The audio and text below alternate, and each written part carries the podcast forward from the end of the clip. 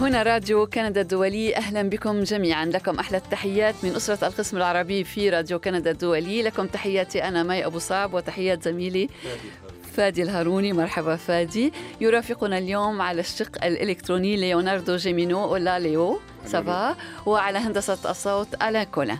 نرحب بكل من يتابع برنامج بلا حدود. البرنامج نقدمه مباشرة كل يوم جمعة في الثالثة والنصف من بعد الظهر بتوقيت مدينة مونريال عبر الفيسبوك لا عبر الفيسبوك عبر يوتيوب وعبر موقع إذاعتنا rcinet.ca إنه يوم جمعة رائع وجميل والطقس جميل جميل للغاية نعم. وننعم به فادي والشمس نعم. ساطعة والحرارة مقبولة, مقبولة جدا نعم. لا شوب ولا برد نعم.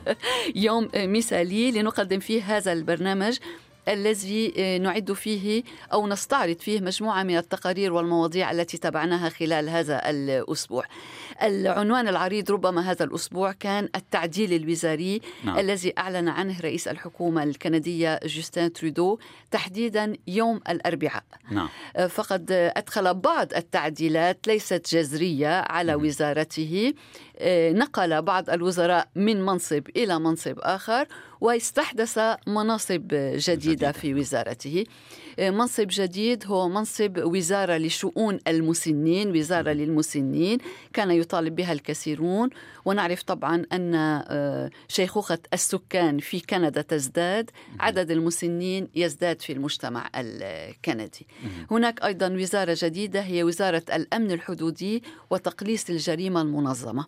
عهد رئيس الحكومة بهذه الوزارة إلى بيل بلير وهو رئيس جهاز شرطة تورونتو سابقا نعم. إذا طبعا الأمن الحدودي في ظل تدفق عدد كبير أو أكثر من العادة من اللاجئين عبر الحدود البرية الكندية الأمريكية منذ فترة نعم. منذ أن رفع الرئيس الأمريكي إجراءات الحماية عن بعض المهاجرين أو اللاجئين المقيمين بصورة غير شرعية في الولايات المتحدة ازداد العدد عدد الذين يدخلون كندا بصورة غير نظامية أو غير شرعية التعديل الوزاري جاء أيضا قبل نحو سنة على موعد نعم. الانتخابات التشريعية نعم. قبل سنة وثلاثة أشهر تقريبا نعم. فالانتخابات المقبلة موعدها من حيث المبدأ أكتوبر تشرين الأول 2019 نعم. نعم نعم هذا صحيح كما أن هذا التعديل جاء بعد آه، شهر أو شهر ونيف على انتخابات فرعية في مقاطعة كيبيك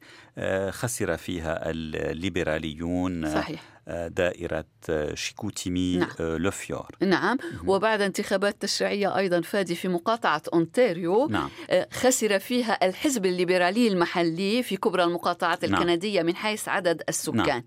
الحزب الليبرالي في أونتاريو نعم. غير المرتبط بالحزب الليبرالي الحاكم في أوتاوا نعم إنه نعم. حزب ليبرالي محلي نعم. ولكن أيا يكن الليبراليون بالإجمال نعم. يتفاهمون كاثلين وين رئيسة الحكومة الليبرالية السابقة في أونتاريو كانت على انسجام واسع مع جوستين ترودو نعم. في ملفات عديدة فيما آه، رئيس الحكومة الجديد رئيس آه، الحزب التقدمي المحافظ نعم. آه، في أونتاريو داغ فورد فهو يعني على خلاف مع سياسة الحكومة الليبرالية في نعم. أوتاوا في أكثر من مجال نعم. من بينها ضريبة الكربون نعم والتغير المناخي نعم. والبيئة وأيضا ملف اللاجئين الذين يدخلون بصورة شرعية لا سيما أنه صحيح. هو وأيضا رئيس وزراء مقاطعة كيبيك يطالبان الحكومة الفيدرالية في أوتاوا بتمويل إضافي لتحمل النفقات الناجمة عن تدفق أعداد إضافية من اللاجئين. يأتي معظمهم إلى مقاطعتي أونتاريو وكيبيك بصورة طبعا أساسية. آه، فيما أن البعض الآخر يدخل إلى مانيتوبا ومقاطعات أخرى ولكن القسم الأكبر من هؤلاء اللاجئين يدخلون إلى مقاطعتي أونتاريو وكيبيك.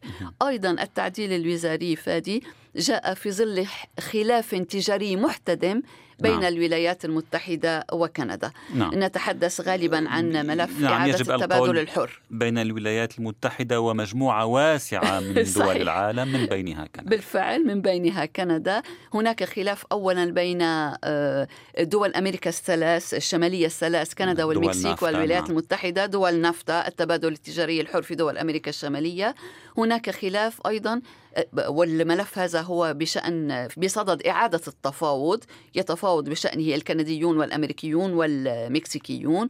هناك أيضا خلاف احتدم بعد أن فرضت الولايات المتحدة رسوما مرتفعة على مستورداتها من الفولاذ والألومنيوم على من كندا, كندا والمكسيك نعم. والاتحاد, والاتحاد الأوروبي. نعم ودول أخرى نعم. وتركيا نعم. على ما أظن. نعم, نعم.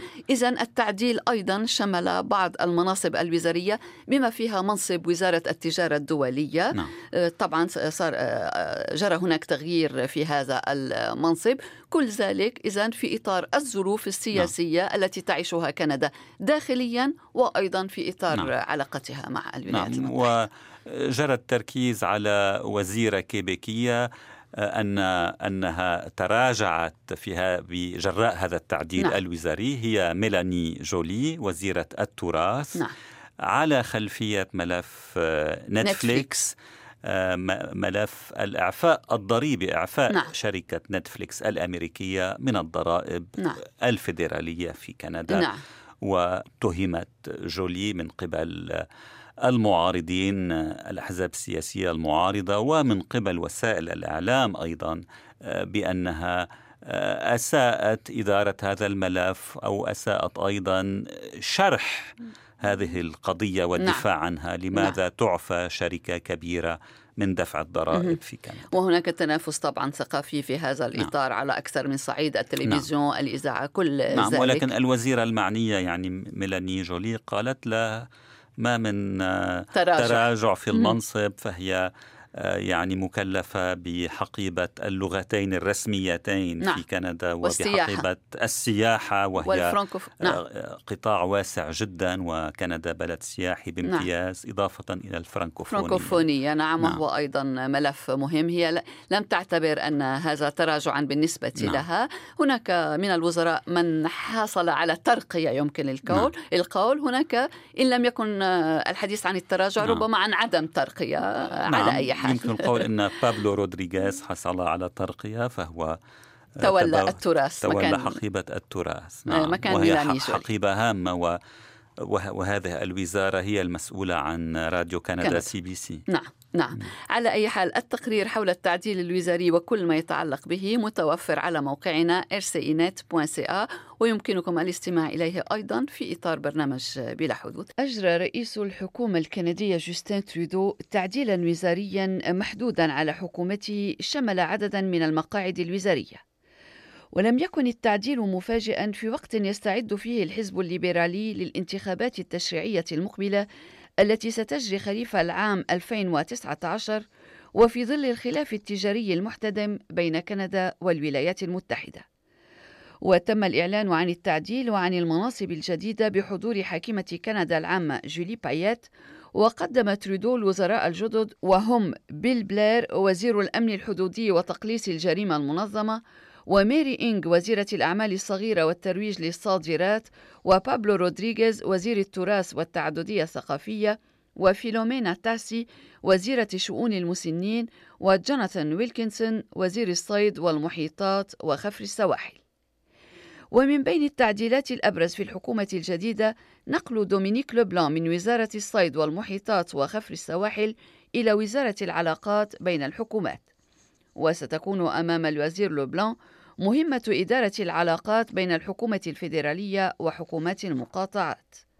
وتنتظر الوزير العديد من التحديات خصوصا في ظل التغييرات التي أفرزتها الانتخابات التشريعية التي جرت في بعض المقاطعات فقد أسفرت الانتخابات في أونتاريو عن فوز حكومة حزب المحافظين المحلي بزعامة داك فورد بالسلطة وخسارة الليبراليين المحليين بزعامة كاثلين وين ومقاطعة ألبرتا على موعد مع الانتخابات التشريعية هي الأخرى والمنافسة ستكون قوية بين رئيسة الحكومة الحالية زعيمة الحزب الديمقراطي الجديد ريتشل نوتلي وحزب المحافظين المحلي بزعامة جيسون كيني علما أن ألبرتا هي تقليديا معقل المحافظين.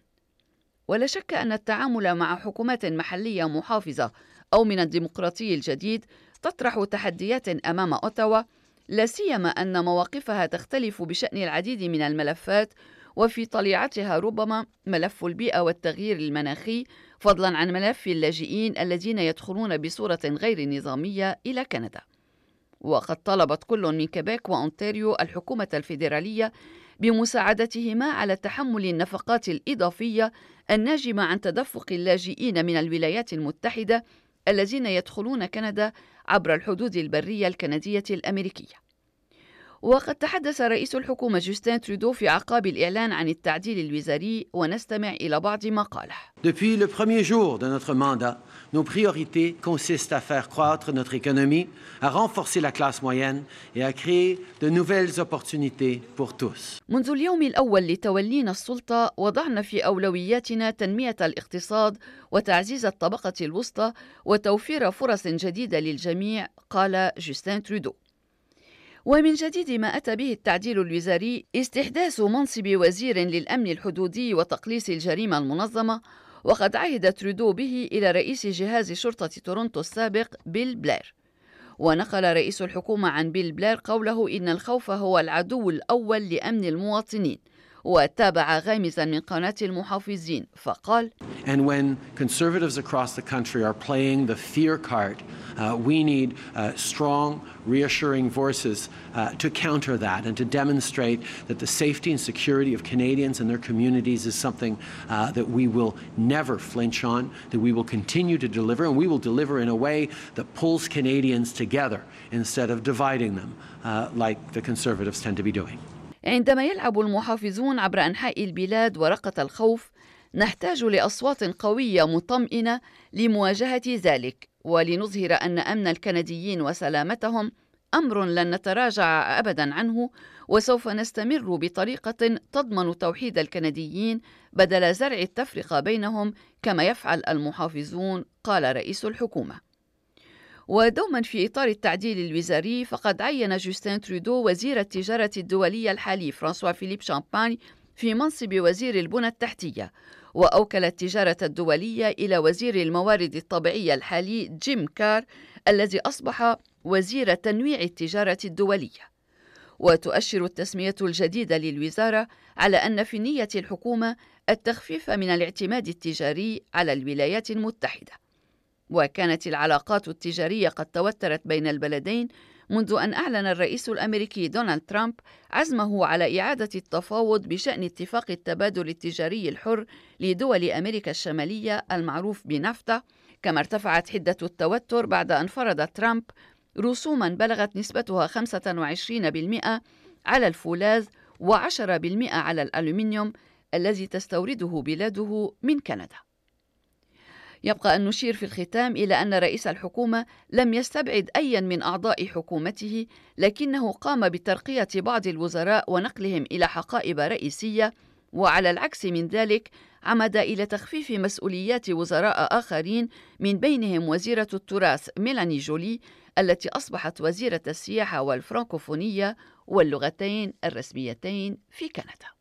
هذا بالنسبة لي أول موضوع اخترته أنا فادي ماذا اخترت لنا أنت؟ شكرا مي أنا اخترت مقابلة أجريتها اليوم مع الصيدلانية منى بشور حول الأدوية التي تحوي مادة الفالسارتان المستخدمة في علاج ارتفاع ضغط الدم وقصور القلب وكانت وزارة الصحة الكندية قد أصدرت مطلع الأسبوع الفائت قرارا بسحب عدة منتجات دوائية تحوي المادة المذكورة. واتخذت السلطات الصحية في دول عديدة حول العالم قرارات مشابهة. والسبب هو العثور على مادة NDMA أو NDMA المسرطنة في بعض الأدوية التي تحوي مادة الفالسارتان وفي حديثي مع الصيدلانية السيدة بشور سألتها عما يفترض بالمرضى الذين يتناولون هذه الأدوية أن يفعلوا. سيدة منى بشور تحياتي. هلا كيفك؟ شكرا. سيدة منى أنت صيدلانية وتزاولين المهنة في مقاطعة كيبيك. والأسبوع الفائت أصدرت وزارة الصحة الكندية قرارا بسحب عدة منتجات دوائية تحوي مادة الفالسارتان أو فالسارتان المستخدمة في علاج ارتفاع ضغط الدم وقصور القلب. تماما. كما اتخذت السلطات الصحية في دول عديدة حول العالم قرارات مشابهة والسبب هو العثور على مادة ال NDMA هذا رمزها هذا اسمها المختصر أو NDMA المسرطنة في بعض الأدوية التي تحوي مادة الفالسارتان أو فالسارتان. وزارة الصحة الكندية طلبت ممن يتناول أحد هذه الأدوية أن يواصل تناوله وأن يتصل بطبيبه أو بالصيدلي الذي يتعامل معه من أجل البحث عن بدائل. تمام. سيدة منى بداية هل تلقيت اتصالات عديدة من أشخاص قلقين يتناولون هذه الأدوية؟ أول شيء ميرسي على مقابلتك معي العفو أهلا وسهلا أكيد هيدا موضوع كثير مهم إنه الواحد يحكي فيه لأنه كثير عالم تلقوا الخبر عن طريق وسائل الإعلام قبل ما يتلقوا عن طريق الصيدلي تبعهم أو نعم. أو الدكتور. نعم. وهذه كانت شوي يعني يعني غلطة صغيرة فينا نعتبرها من سانتي كندا إنه نعم من وزارة الصحة الكندية. نعم. exactly من وزارة الصحة الكندية إنه العالم يكونوا على علم عن طريق وسائل الإعلام. بس كمان ما فينا نلومهم لأنه العالم كانوا على علم عن طريق CNN لأنه الخبر انتشر بأمريكا وبأوروبا نعم. قبل ما يوصل على كندا هلا أكيد في كثير عالم كانوا قلقين من الموضوع واتصلوا فينا التليفونات في عالم مش عارفانين بالموضوع أساسا. so نحن اللي اتصلنا فيهم نحن اللي خبرناهم. مشان نبدلهم الدواء اللي كانوا عم ياخذوه ب brand ثانية أو بدواء ثاني completely مختلف يعني. نعم. يعني. طيب قرأت أن بعض الأدوية التي تحوي مادة الفالسرتان وجدت فيها مادة ال NDMA أو ال NDMA المسرطنة هل هذا صحيح؟ هل بعض الأدوية فقط أم أن كافة الأدوية التي خضعت لل... للفحوصات هيدا صحيح المخبرية؟ مش كافة الأدوية مش كافة الأدوية. حتى م. هلا هي أكثر شركة كانت يعني في شركة معينة مواد نعم صينية. هي أكثر شركة كانت متعرضة لهيدي نعم. الإصابة بهيدي نعم شركة زي جيانغ هو هاي لا أعرف ما إذا كنت قد لفظت الاسم آه. جيدا للمنتجات الصيدلانية exactly exactly. وفي في شركة ساندوز هي من الشركات اللي هي أكثر شركة ادويتها تعرضت اللي هي تابعة لنوفارتس نعم. آه هي من أكثر الشركات اللي آه المنتجات تبعتها تعرضت لل, لل يعني للإصابة بس نعم. مش مش كل ال dose ولا كل المنتجات يعني حتى بشركه ساندوز في بعض ال dose اللي تعرضوا وبعض ال dose اللي ما تعرضوا. يعني كل الأدوية الفالسرتان اللي بتحتوي على دواء ثاني اللي اسمه hydrochlorothiazide اللي هو مدر هدول مثلا ما تعرضوا. فنحن أكيد وقت وصلنا ال report من من وزارة الصحة الكندية. آه وصلنا بشيء بنسميه ال DIN number مع ال lot number. يعني نحن مو أي دواء نحن بنبدله من المفروض يكون واصلنا التعميم من وزارة الصحة الكندية بأرقام معينة ببرودكتس معينين. هدول اللي نحن بنسحبهم وبنردهم للشركات وبنعطي المريض بدالهم. بس مش كل أنواع الفالزرتان تأثرت. يعني. نعم نعم. ولكن هل كل من يتناول الفالسرتان عليه أن يتصل بطبيبه أو بالصيدلي الذي يتعامل معه برأيك؟ هلا برأيي خاصة إذا هو بيتعاطى مع صيدليات كبيرة أكيد الصيدليات الكبيرة عندها volume كثير كبير فلبين ما يوصل دوره لحتى الصيدلية تتصل فيه لأنه هذا من واجبنا نحن إنه نحن نتصل فيه نعم. ونقول له انه بترد لنا الدواء الموجود عندك وبنبدل لك إياه بدواء ثاني بس أكيد يعني بالنهاية هيدي process بدها تاخذ وقت. فأنا بنصح إنه أكيد يعني إذا لحد هلأ القصة مثلا صار لها أسبوع أو أسبوعين لحد هلأ ما الصيدلية تبع كل شخص ما اتصلت فيه الأفضل إنه هو يروح ويسأل نعم. بس هم الصيادلة بكبك صيادلة يعني بروفيشنال ومتمرسين نعم. و... وقدرانين يقوموا بهذا الواجب يعني نعم. حي... يتمتعون حي... بمستوى عال من المهنية تماما طيب هل البحث أو هل إيجاد بدائل هو أمر سهل؟ بدائل عن هذه الأدوية التي تحوي مادة الفالسرتان؟ آه، هلا نحن لما لما صارت القصة كان عندنا خيارين إما نعم. إنه نختار شركة أخرى غير متأثرة نعم. بالموضوع أو إنه نختار دواء ثاني مختلف تماما يعني نعم. دواء من نفس عائلة الفازاتان بس آه، مختلف طبعا الموضوع مش بالسهولة بيتم يعني في بروسس طويلة لازم الواحد يعملها بس نحن بالنهاية بيهمنا مصلحة المريض. وأكيد الضغط مش يعني ارتفاع الضغط مش مش شغلة سهلة المفروض يضل صحيح. الشخص محافظ على ضغط معين. ف من المفروض إنه نقدر نوفر له أهم أحسن دواء ممكن يفيده بالمستوى الصحي. طيب وهل أستنتج من كلامك أن على المريض الذي يتناول دواء يحوي مادة الفالسارتان أن يواصل تناوله ريثما يجتمع بطبيبه أو بالصيدلي الذي طبعاً يهتم به؟ طبعاً نعم. طبعا 100% نعم. مش إنه المفروض يوقف المفروض يستمر بتناول الدواء لأنه بالنسبة لنا حفاظ على الضغط أهم من احتمالية انه الدواء يكون ملوث. يعني نحن بناخذ أي الأخطر.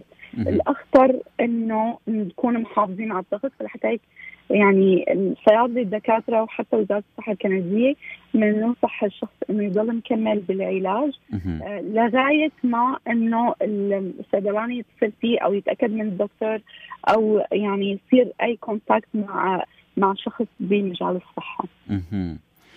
الصيدلانية السيدة منى بشور شكرا جزيلا لهذا الحديث ولهذه الإضاءات شكرا لك ميرسي العفو وهناك حالات مشابهة في الكثير من الأحيان نسمع نعم. عن أدوية مسرطنة نسمع عن نعم.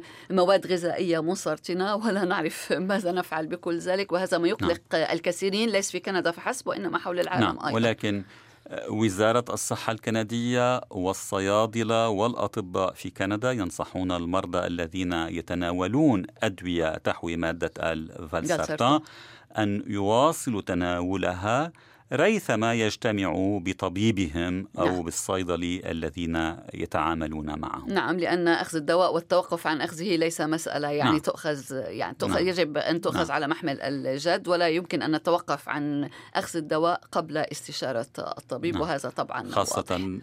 عندما يتعلق الأمر بدواء حساس بالفعل بالفعل. آه، لضغط الدم أو نعم. لقصور القلب نعم نحن لسنا بصدد حبة صغيرة لوجع الرأس أو, أو نعم. زكام أو إلى ما آخره على أي حال هذه مواضيع تبعناها في إطار مواضيع أخرى أيضا نعم. تبعناها فادي ماذا نعم تبعت؟ شكرا مي اخترت مقابلة مع قاضية الجنسية الأستاذة رانيا صفير زميلتنا السابقة في القسم العربي التي عينت قاضية جنسية الشهر الفائت بعد اجتيازها المراحل الضرورية لتبوء هذا المنصب الرفيع. المرموق نعم. وترأست رانيا أول حفل رسمي لها لأداء قسم الجنسية الكندية في الأول من تموز يوليو الجاري أي في يوم كندا الوطني حيث أدى القسم 25 شخصا استوفوا شروط الحصول على جنسية وطنهم الجديد. نستمع إلى مقتطف من الحديث الذي أجريته مع قاضية الجنسية رانيا سفاير يوم الأربعاء ويمكن الاستماع للحديث بأكمله على موقعنا الإلكتروني rcinet.ca rcinet.ca أما بما يتعلق الدور قاضي الجنسية فدوره يتجزأ إلى ثلاث أقسام. الأول هو دراسة بعض الملفات يلي تتحول له. أي ملفات تحول إلى قاضي الجنسية هي الملفات يلي ما بتقطع بالروتين العادي يعني الملفات اللي حول آه طبعا علامات استفهام بما يتعلق بنزاهة الطلب ونزاهة الشخص اللي عم بيقدم هالطلب. طبعا نحن بنعرف إنه في شروط ليحصل المهاجر على الجنسية. في شروط الإقامة بكندا وطبعا إنه يكون يشتغل بكندا ويعيش الحضور الفعلي. بكندا نعم. لازم نعم. يكون عايش فعليا بكندا نعم. طبعا كل هالملفات اللي في حولها تساؤل واللي بتمرق عند أول اجان آه، وبعدين من بعد الاجان تقطع عند officier numéro 1 officier numéro 2 من بعد كل هالمراحل هيدي إذا ما قدر ال officier يقدر يعطي جواب على هالملف أو ياخذ نعم. قرار بهالملف طبعا بحيده إلى القاضي. في ملفات بما فيه الكفاية طبعا قدام القاضي نعم. ولكن آه، القاضي لما يدرس الملف هو بيشوف إذا في ضرورة أنه يقيم جلسات استماع. هالجلسات الاستماع ممكن أنها تحصل عبر الفيديو كونفرنس أو تحصل شخصيا بمكتب القاضي وبمكاتب آه، بالمكاتب المخصصة للجنسية. من بعد جلسات الاستماع بياخذ قراره القاضي وبنص قراره ضمن مهلة 60 يوم من بعد آه، من بعد جلسات الاستماع. من خلالها لازم آه، طبعا يعرض آه، شو شو عنده على الملف. شو نعم. عنده ملاحظات أو ملاحظات أو شو ما كان وطبعا بقارن مع نص القانون وبيطلع بتحليله. قاضي الجنسية هو بيقدر يعطي قرار مستقل. ولكن إذا صاحب الطلب رفض قرار قاضي الجنسية نعم. هالقرار بيروح إلى المحكمة الفيدرالية نعم. ويعاد النظر فيه. نعم. فإذا استمعنا إلى مقتطف من المقابلة مع قاضية الجنسية الكندية رانيا صفير ويمكن الاستماع للحديث بأكمله على موقعنا rcinet.ca rcinet.ca نعم شكرا فادي. دوما في إطار الهجرة اللجوء وهذا طبعا موضوع محط محوري اهتمام نعم. محوري في كندا.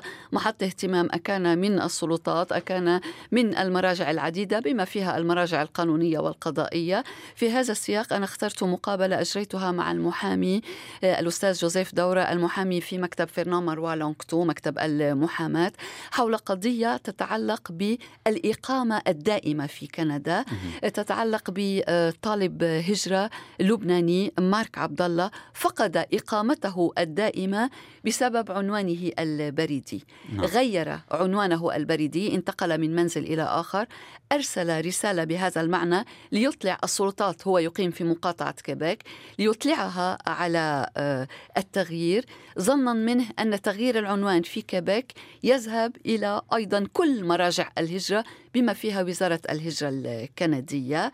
استدعي أمام المحكمة للدفاع عن ملفه لأنه لم يقم المهلة المطلوبة للحصول على آه، الموافقة على طلبه. في المرة الأولى لم يحضر لأنه لم يتلقى الإخطار.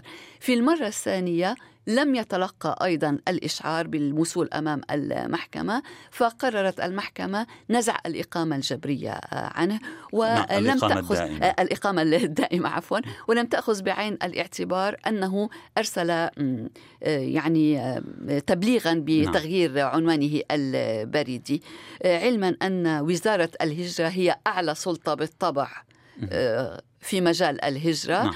ولكن هناك أيضا وزارة هجرة في مقاطعة كيبيك. نعم.